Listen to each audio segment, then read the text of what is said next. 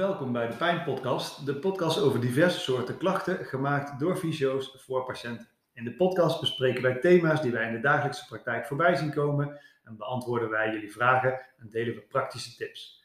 Mijn naam is Ivo en naast mij zitten mijn co-host Marjolein van Keulen en onze gast Manon van Buren. Welkom allebei. Hallo. Hallo. Ja, hartstikke leuk dat je er bent, eh, Manon. Vandaag gaan we het hebben over geriatrie-fysiotherapie. Oftewel fysiotherapie voor ouderen. Mhm. En Ivo en ik hebben het erover gehad. Ja, wie kunnen we dan eh, beter uitnodigen dan Manon? Want jij bent natuurlijk eh, geriatrie-fysiotherapeut. Ehm, dus daar eh, willen we graag eens vandaag met je het gesprek over aangaan. Ehm, Manon, zou je als eerst wat meer over jezelf kunnen vertellen?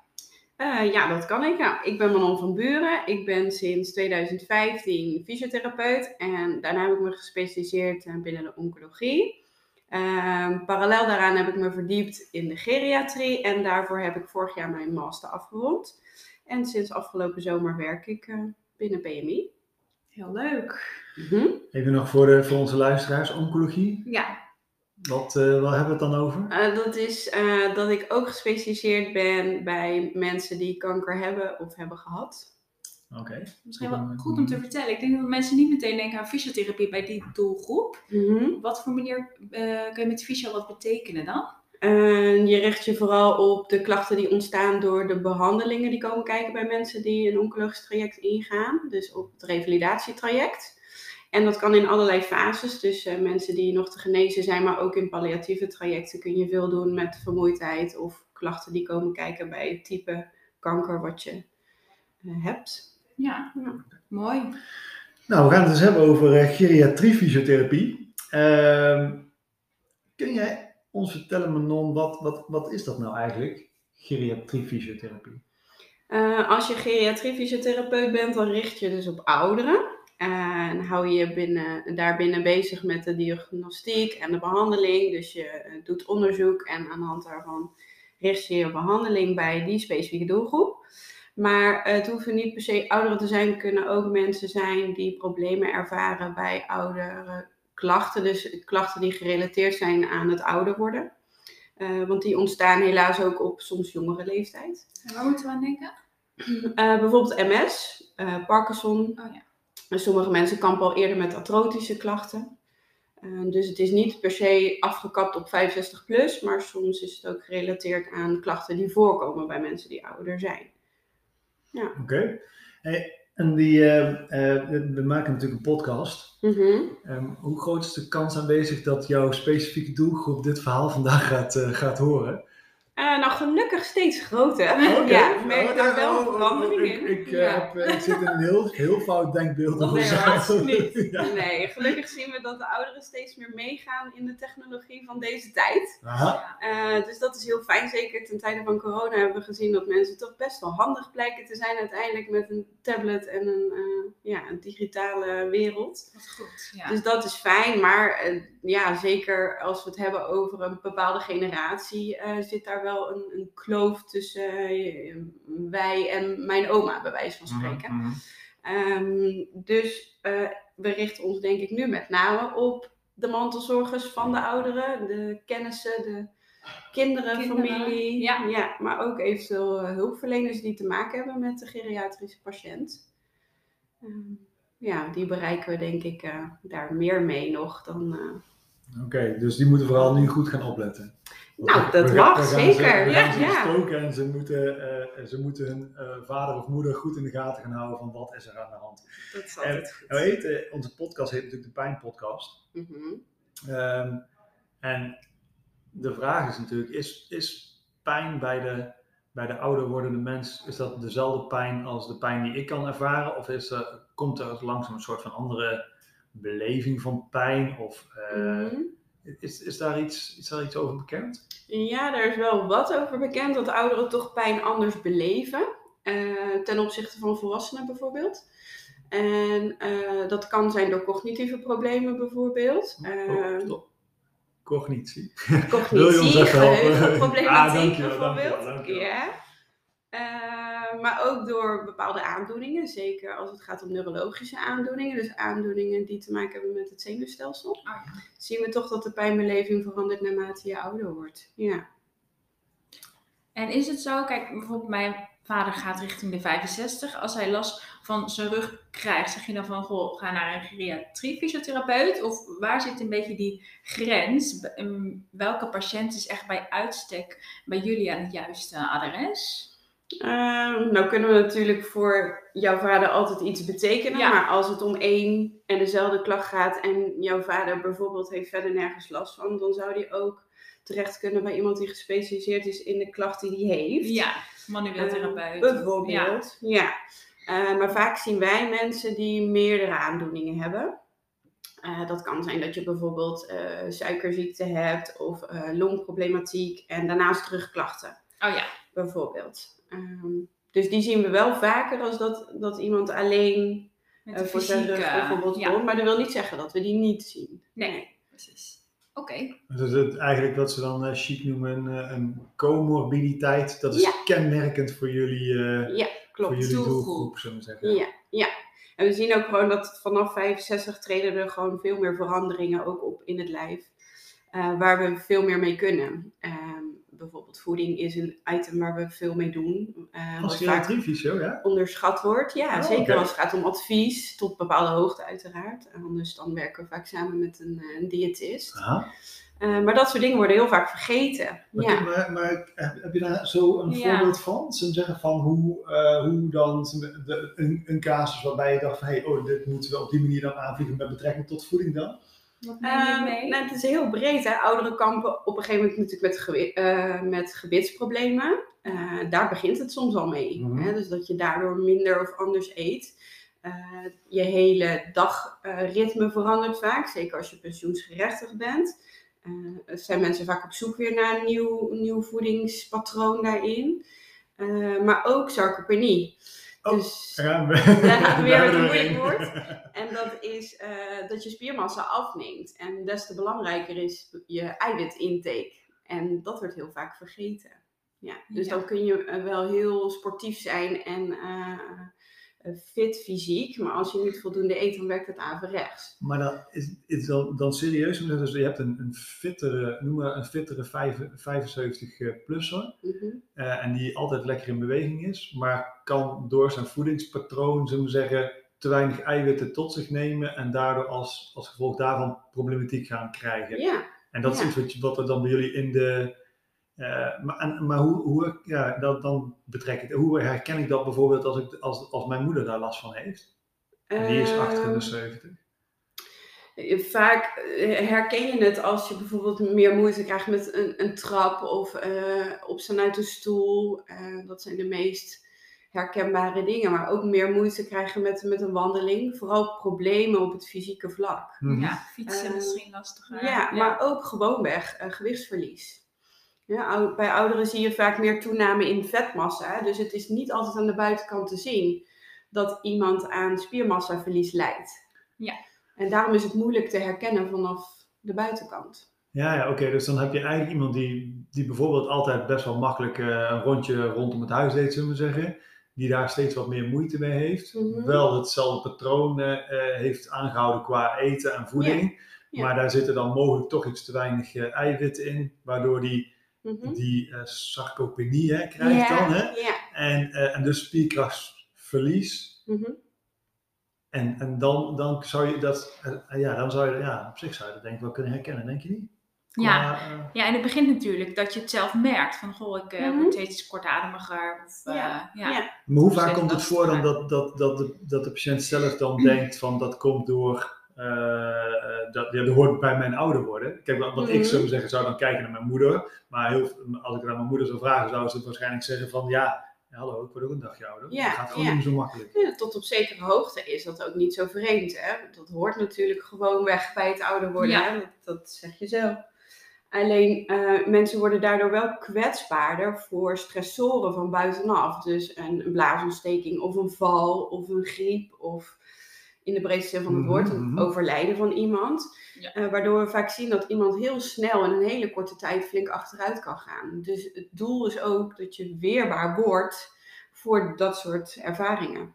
Ja, oké. Ja, zodat je die veerkracht houdt. Ja. Maar het is wel goed om te weten inderdaad dat je dus ook als geriatrie fysiotherapeut heel breed eigenlijk kijkt. En dat is ook Mhm. logisch, want ja, wat je net al aangeeft als voorbeeld, die, die eiwitinname speelt gewoon een rol ook in, eh, ja, in hoe je Mhm. fysiek voelt. Inderdaad. Ja. Mooi. En geven jullie daar dan zelf basale tips in? Dus of, of sturen jullie dat meteen door naar een diëtist? Hoe... ligt aan de complexiteit van, van de casus of, of van de persoon. Ja. Eh, maar vaak kom je heel ver al met eh, handvaten die Ja. je zelf kunt geven aan Ja. de patiënt. Ja. Ik denk dat bewustzijn al heel belangrijk is. Hè? Ja, ja. precies. Ja, onwetendheid eh, Ja. is daarin zeker ook een item, ja. Oké, Ja. mooi. Ehm, ja, en eh, op het moment dat je dus merkt van, goh, mijn eh, moeder of vader of, hè, of degene voor je mantel zorgt, wellicht komt hij in aanmerking voor geriatrie fysiotherapie. Hoe, hoe gaat dat dan? Kunnen, kunnen die zich aanmelden? Wordt het, door de, wordt het Mhm. verzekerd? Of hoe?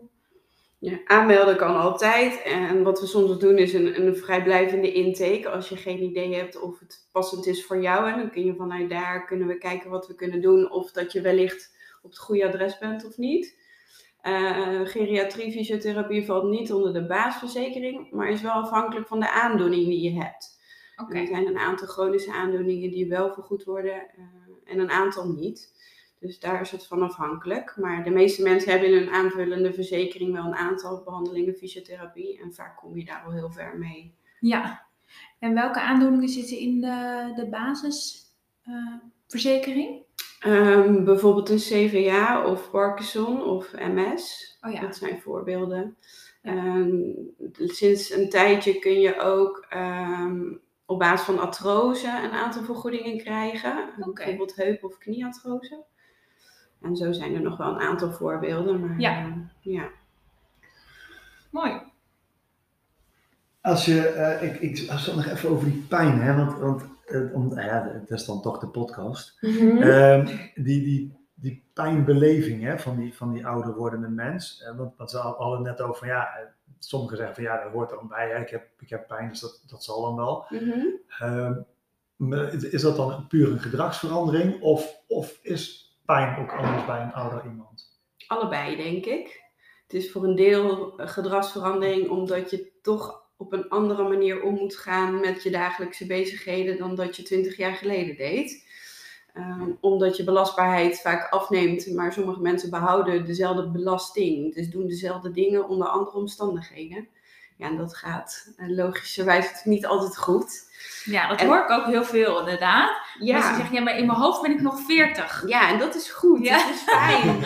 Ja, het is wel een stukje acceptatie. En, en oud worden is natuurlijk iets heel anders dan oud zijn. Dat Ja. zijn echt twee verschillende dingen. Ja, Ehm, ja, dus, dus acceptatie is ook zeker een groot thema binnen de geriatrie. Dat het nog steeds eh, wat je doet passend is bij de belastbaarheid van jouw eigen lijf. En ehm, dat je daar je grenzen in leert kennen. ja. Waarmee ik zeker niet wil zeggen dat ouderen hun grenzen niet kunnen verleggen. Want dat is vaak wat mensen ook denken. Van ja, ik ben op leeftijd en eh, meer zal er niet in zitten. dit is het. Maar ja. dat is eigenlijk nooit zo. Ja, ik, ik hoor je wel zeggen, voor mij, of heb ik ja, ik weet het, een van jullie twee heb ik ooit horen zeggen ja, maar ze zijn eigenlijk misschien wel beter trainbaar dan, eh, dan een reguliere fysiotherapiepatiënt. Omdat je eigenlijk best wel snel vaak een effect ziet van hetgeen wat je doet. Ja. Klopt dat? Ja, dat klopt zeker. Ja, en je zoomt wat meer in op, op kwaliteit van leven. Dus eh, hele specifieke handelingen, dagelijkse handelingen. Eh, waarin mensen dus al heel snel profijt ondervinden in hun dagelijkse doen. Ja. Dus, Mooi. Dus ja. als je eigenlijk een snelle aanpassing doet, bijvoorbeeld eh, in, in die eiwittoename en je, je krijgt een aantal goede oefeningen van jullie bij, dan kan, dan kan toch heel makkelijk dat zitten staan weer, ja, weer gewoon een stuk vlotter. bijvoorbeeld. Ja, of handige trucjes die we mensen aanleren, waardoor het net wat makkelijker gaat. Oké. Ja. Ja. Ja.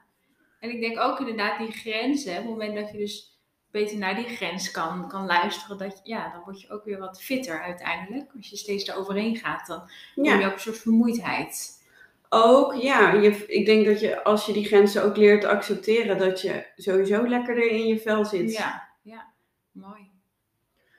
Als we nou, ehm zullen we zeggen, eh, we hadden het over de, de, de, de, de omgeving, hè, dus waarvan we denken dat die mogelijk ietsjes meer luistert dan Hmm. de, de, de patiënt in kwestie.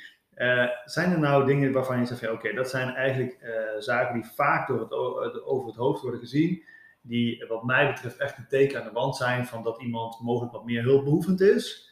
Mhm. En, eh, en waar, waar ik echt iedereen op wil attenderen van, joh, als je dit ziet gebeuren, trek aan de bel.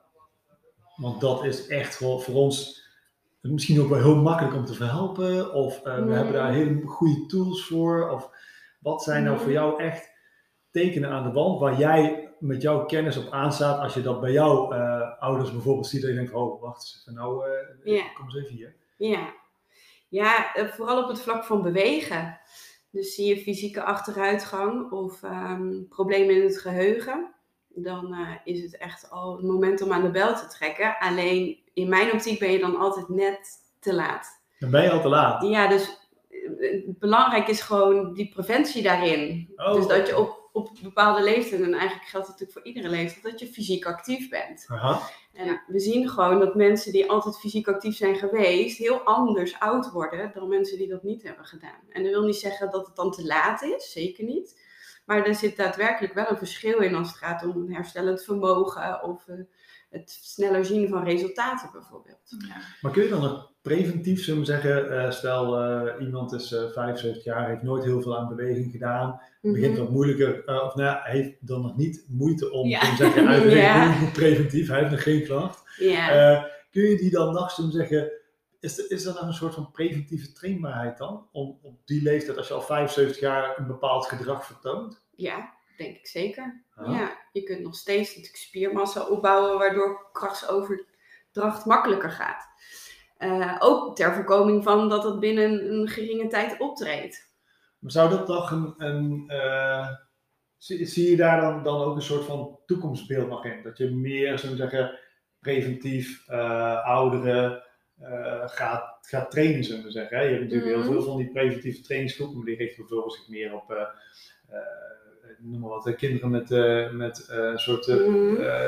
pre-obesitas, zullen we zeggen. Hè? Dus, dus ook preventie om tot obesitas te komen. Ja, maar, maar ja. dat kun je eigenlijk ook met deze doelgroep doen. Ja, zeker. En gelukkig zie je steeds meer oefengroepen voor ouderen, waarin ook gelukkig steeds meer krachttraining aan bod komt. Dus niet alleen het wandelen en het fietsen, en dat mensen denken, oh, maar ik ben heel goed bezig. Ja, Gezellig. Dat klopt, je bent ook goed bezig, alleen je mist dan net dat Want jullie doen echt Eén krachttrainingen. component ook, balans en Ja. krachttraining. En die worden gewoon heel vaak vergeten. Ja, Ja. En die gaan ook het eer- eerste achteruit. Mensen kunnen vaak nog best wel een wandelingetje maken, maar kracht en balans eh, gaat het snelste achteruit. Dus als je daar preventief dus al wat mee doet, Ja. loop je gewoon eh, minder snel klachten op en minder snel beperkingen in je algemeen dagelijkse activiteiten. Ja, dat, dat is echt wat, Ja, eh, wat je mooi. ziet ook eh, inderdaad. eh, als ik jullie bezig dan, dan er wordt gewoon echt, echt krachttraining gedaan. hè. Echt gewerkt, zeggen, ja. ja, ook- Echt van gezweet. Ja, maar ik zie ook gewoon zo zeggen dat, dat daar is ook een, een soort standaard van. Er moet in de locatie waar geriatriefysio's moet een, moet een lekpress zijn. Want dat is echt Ja. een soort, soort issue dingetje van ja, die, die hebben we echt nodig om zo'n zeggen, een stuk krachttraining Ja, te om doen. massa op te bouwen. Massa, ja, ja, en ja. mensen zijn er soms in het begin een beetje huiverig voor. Die denken, ja, ik- ben in de tachtig, Manon, wat ga je allemaal doen? Ja. Alleen die Oh. merken gewoon binnen een paar weken al van, hé, hey, ik kan ineens zonder handen uit de stoel omhoog. En eh, ik kan wel in één keer naar die supermarkt lopen. Ja. En eh, ja, dat is gewoon heel leuk. En dan zijn ze al lang weer die eerste weken vergeten, gelukkig. Hebben ze dan ook zo zeggen, dezelfde soort spierpijn dan? Mm, nou ja, het lijf kan natuurlijk best ook wel heftig reageren in Mhm. het begin. Maar dat is ja, een goede communicatie tussen de patiënt en de therapeut, denk ik. Ja. Waarin je je schema afstelt op de belastbaarheid van de patiënt. En ja, dat is in het begin soms een beetje zoeken, maar uiteindelijk vind je daar wel je weg in. Ja. Ja. Dus op het moment eigenlijk dat je merkt van, hé, hey, mijn vader en moeder, eh, die wordt toch echt wel wat ouder en is passief.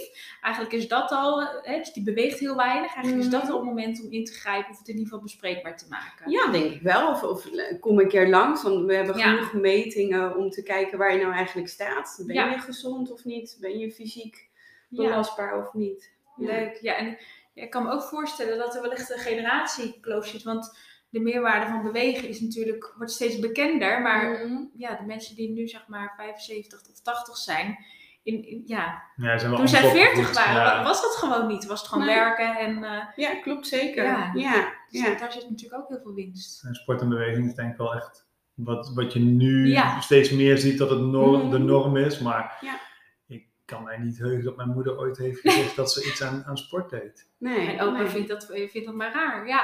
Ja, ze hebben hooguit iets met gymnastiek Ja, gedaan. zoiets Hele jonge Ja, ja, jaren ja, vaak. ja. Ja, gelukkig zien we nou ook wel veel 65-plussers die tennissen bijvoorbeeld of Ja, walking precies. voetbal doen. Dus dat is wel Ja. heel leuk. Dus, ja. Ja, oh, goed Ja. Superleuk. Ja. Ja, oké. Hey Emmenon, ehm, als we dan kijken van, goh, dit is echt de, gouden tip, hè, voor bijvoorbeeld kwetsbare ouderen die zelf luisteren, of nou ja, als je iemand in je omgeving hebt, wat zou dat dan zijn? Ehm, dat je in ieder geval zoveel mogelijk beweegt, maar dat je vooral ook iets zoekt wat bij je past. Dus wat je leuk vindt om te doen, want dat hou je gewoon weg het langste vol. En als je twijfelt over hoe je dat moet doen of wat je moet doen, eh, schakel dan, eh, dan hulp in. En eh, zorg ervoor dat je je klachten voorblijft. Denk dat dat het belangrijkste is. Ja, dus mensen hoeven niet per se de sportschool in, maar vooral ook op zoek naar, hey, wat- vind ik leuk? Ja, ja, en bewegen kun je op zoveel manieren, dus Ja. dat is vaak wel iets passends. Oké, mooi. Oké, nou, ik zou zeggen, eh, fijn dat je hebt geluisterd Ja. naar deze podcast. En Ja. eh, we hopen dat je wat hebt opgestoken en een beetje een beeld hebt gekregen van de geriatriefysiotherapie. Manon, super bedankt dat je wilde aansluiten. Ik weet dat, eh, dat je een drempel moest overstappen, maar je deed het hartstikke goed. Weet je wel. Hartstikke goed, ja. Gedaan. Ehm, ja, vind je onze podcast leuk? Eh, geef ons dan een review op je favoriete podcast-app. En alles hebben wat we hebben besproken, en als we ergens aan hebben gerefereerd of dat we tips of tricks nog hebben, dan zetten we die eh, in onze volledige outro en op onze social media kanalen. Bedankt voor het luisteren en tot de volgende keer. Doei doei. Thank you.